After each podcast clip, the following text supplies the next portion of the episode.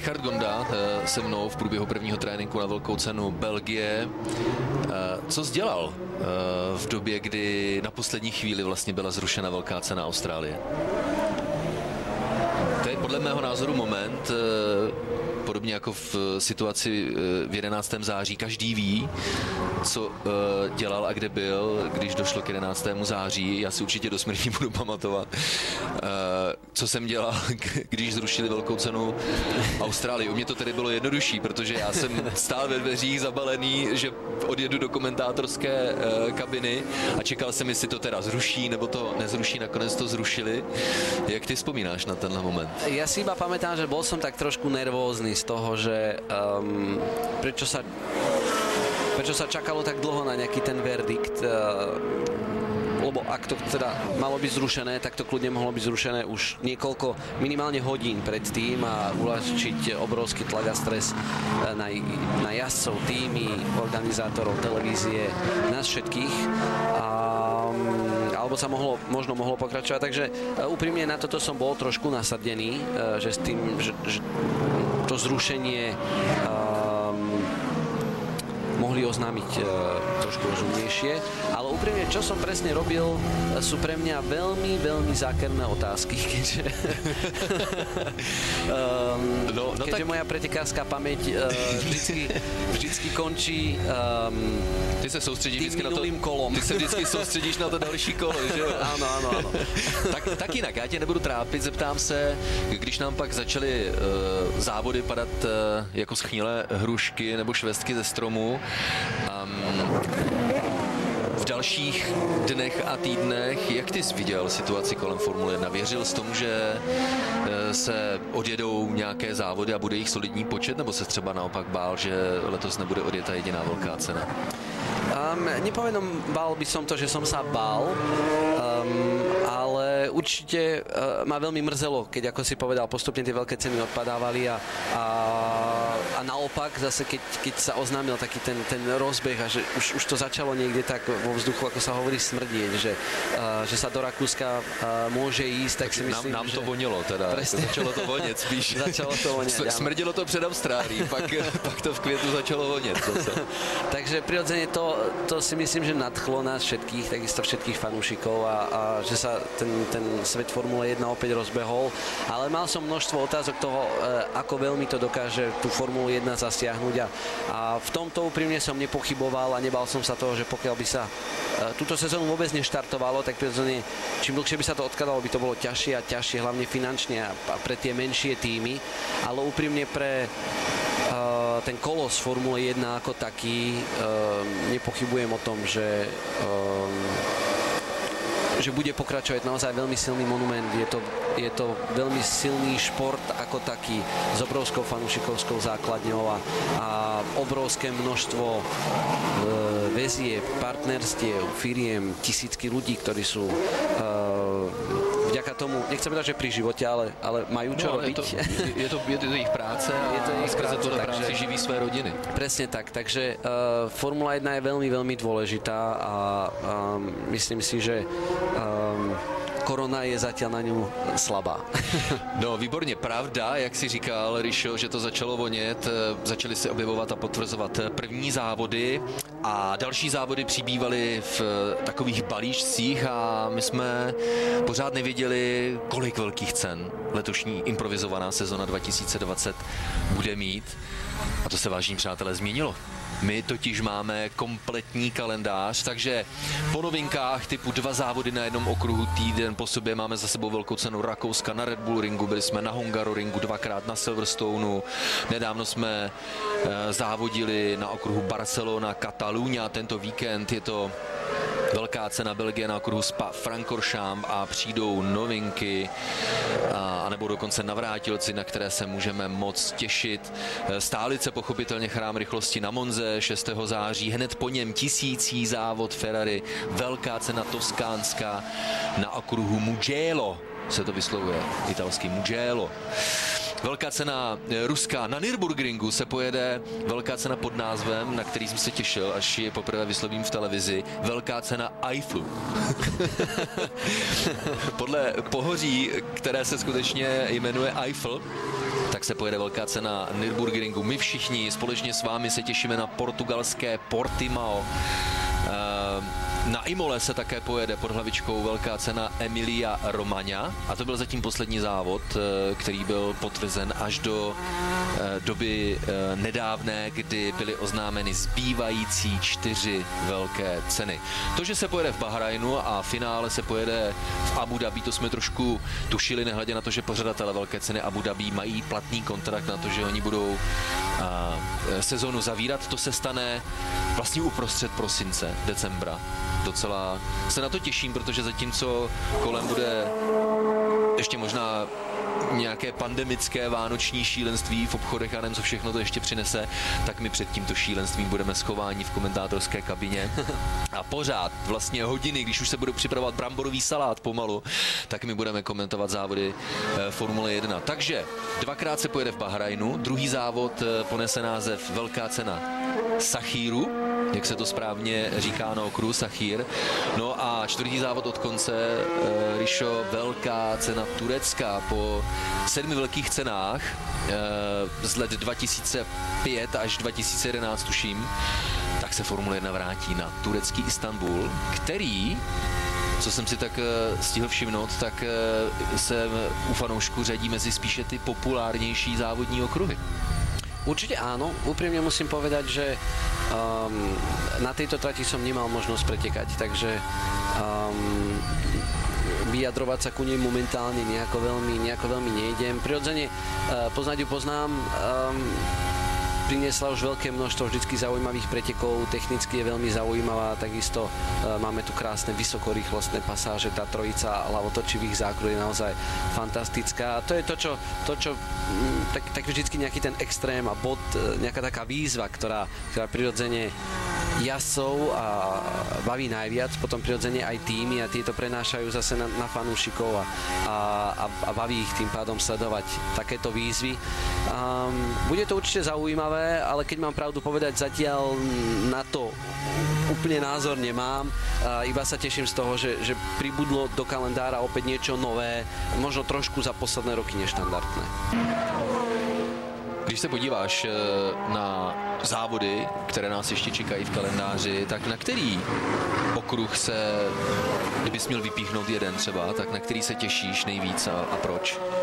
Jeden. Vyberám si tým pádom eh, Portugalsko. Veľmi sa na to teším, pretože eh, Formulu 1 v Portugalsku sme nemali dávno, teda veľkú cenu. Tú trať v Portimao mám veľmi, veľmi rád, to prostredie, ktoré tam je. Takisto mám na to dobré spomienky, lebo sa mi tam vždycky veľmi darilo. A, je to naozaj výzva. Veľmi nádherná trať s tými obrovskými prevýšeniami a opäť taký nádych povedzme toho prírodného faktoru, aj keď v podstate toho, tých, v tom Portugalsku je tak trošku viac sucho ako tu v Belgicku. A, a práve te, ten faktor tých prevýšení je to krásna, treba povedať moderná trať a to prostredie, ktoré tam je dookola je veľmi pekné, takisto motokarové centrum, ktoré tam je veľmi pekné v Portugalsku um, v súvislosti s tým okruhom, takže na toto sa veľmi teším. Bude to veľká výzva a hlavne ako sa s tým popasujú týmy, inžinieri, určite tam budú vysoké teploty, napriek tomu, že to už bude 10. mesiac, ale predsa len Portugalsko je stále uh, veľmi južne. A myslím si, že toto ponúkne naozaj veľa výziev a opäť taký ten otáznik toho nepoznaného. Lebo keď si porovnáme my spred dvoch týždňov poslednú veľkú cenu, ktorá sa odjazdila v Španielsku, tak je to trať, ktorú pozná každý jazdec, inžinier, mechanik, zľava, správa z každej strany a preto je tam ten faktor toho, že všetko musíte urobiť tip-top správne, lebo ostatní to tak urobia, lebo majú naozaj veľmi veľa tých vstupných dát preto. A, a Portugalsko bude naozaj jeden veľký otáznik pre pneumatiky, pre setup, pre, pre vývoj, pre nasadenie a opotrebovávanie brzd, e, turba, e, motora ako takého. Z každého pohľadu veľmi sa na to teším. Takže 17 velkých cen nakonec eh, v kalendáři mistrovství světa ročníku 2020. Druhý a třetí závod od konce se pojede na okruhu v Bahrajnu a pořád je ještě diskutována možnost, že druhý ze závodu na Bahrajnském okruhu by se jel po vnější konfiguraci, tedy na něčem, čemu třeba šéf Formule 1 Rosbron říká takový skoro ovál. Rozhodnuto ještě není. Eh, pořadatelé v Bahrajnu jednají s představiteli Formule 1 a Mezinárodní automobilovou eh, federací a jakmile bude rozhodnuto, tak eh, samozřejmě rozhodnutí bude komunikováno, ale přiznám se, kdybych já si měl vybrat, a to, že se těším na řadu dalších velkých cen, které přijdou, ale kdybych měl také vypíchnout jednu jedinou, tak bych si se sakramensky přál, kdyby se povedlo dosáhnout dohody na bahrajnském skoro oválu, protože to jsou vlastně čtyři dlouhé rovinky pospojovány e, zatáčkami. Formule 1, e, moderní generace na takové závody, podobně jako vozy IndyCar, skutečně není stavěná. Otázka je, jestli by to piloty vůbec bavilo. Takže chceš dať ještě, ještě trošku šancu tomu Mercedesu nějaké to vítězství možno získat. Tak víš co, ono to bude v závěru hodně těsné, víš, takže...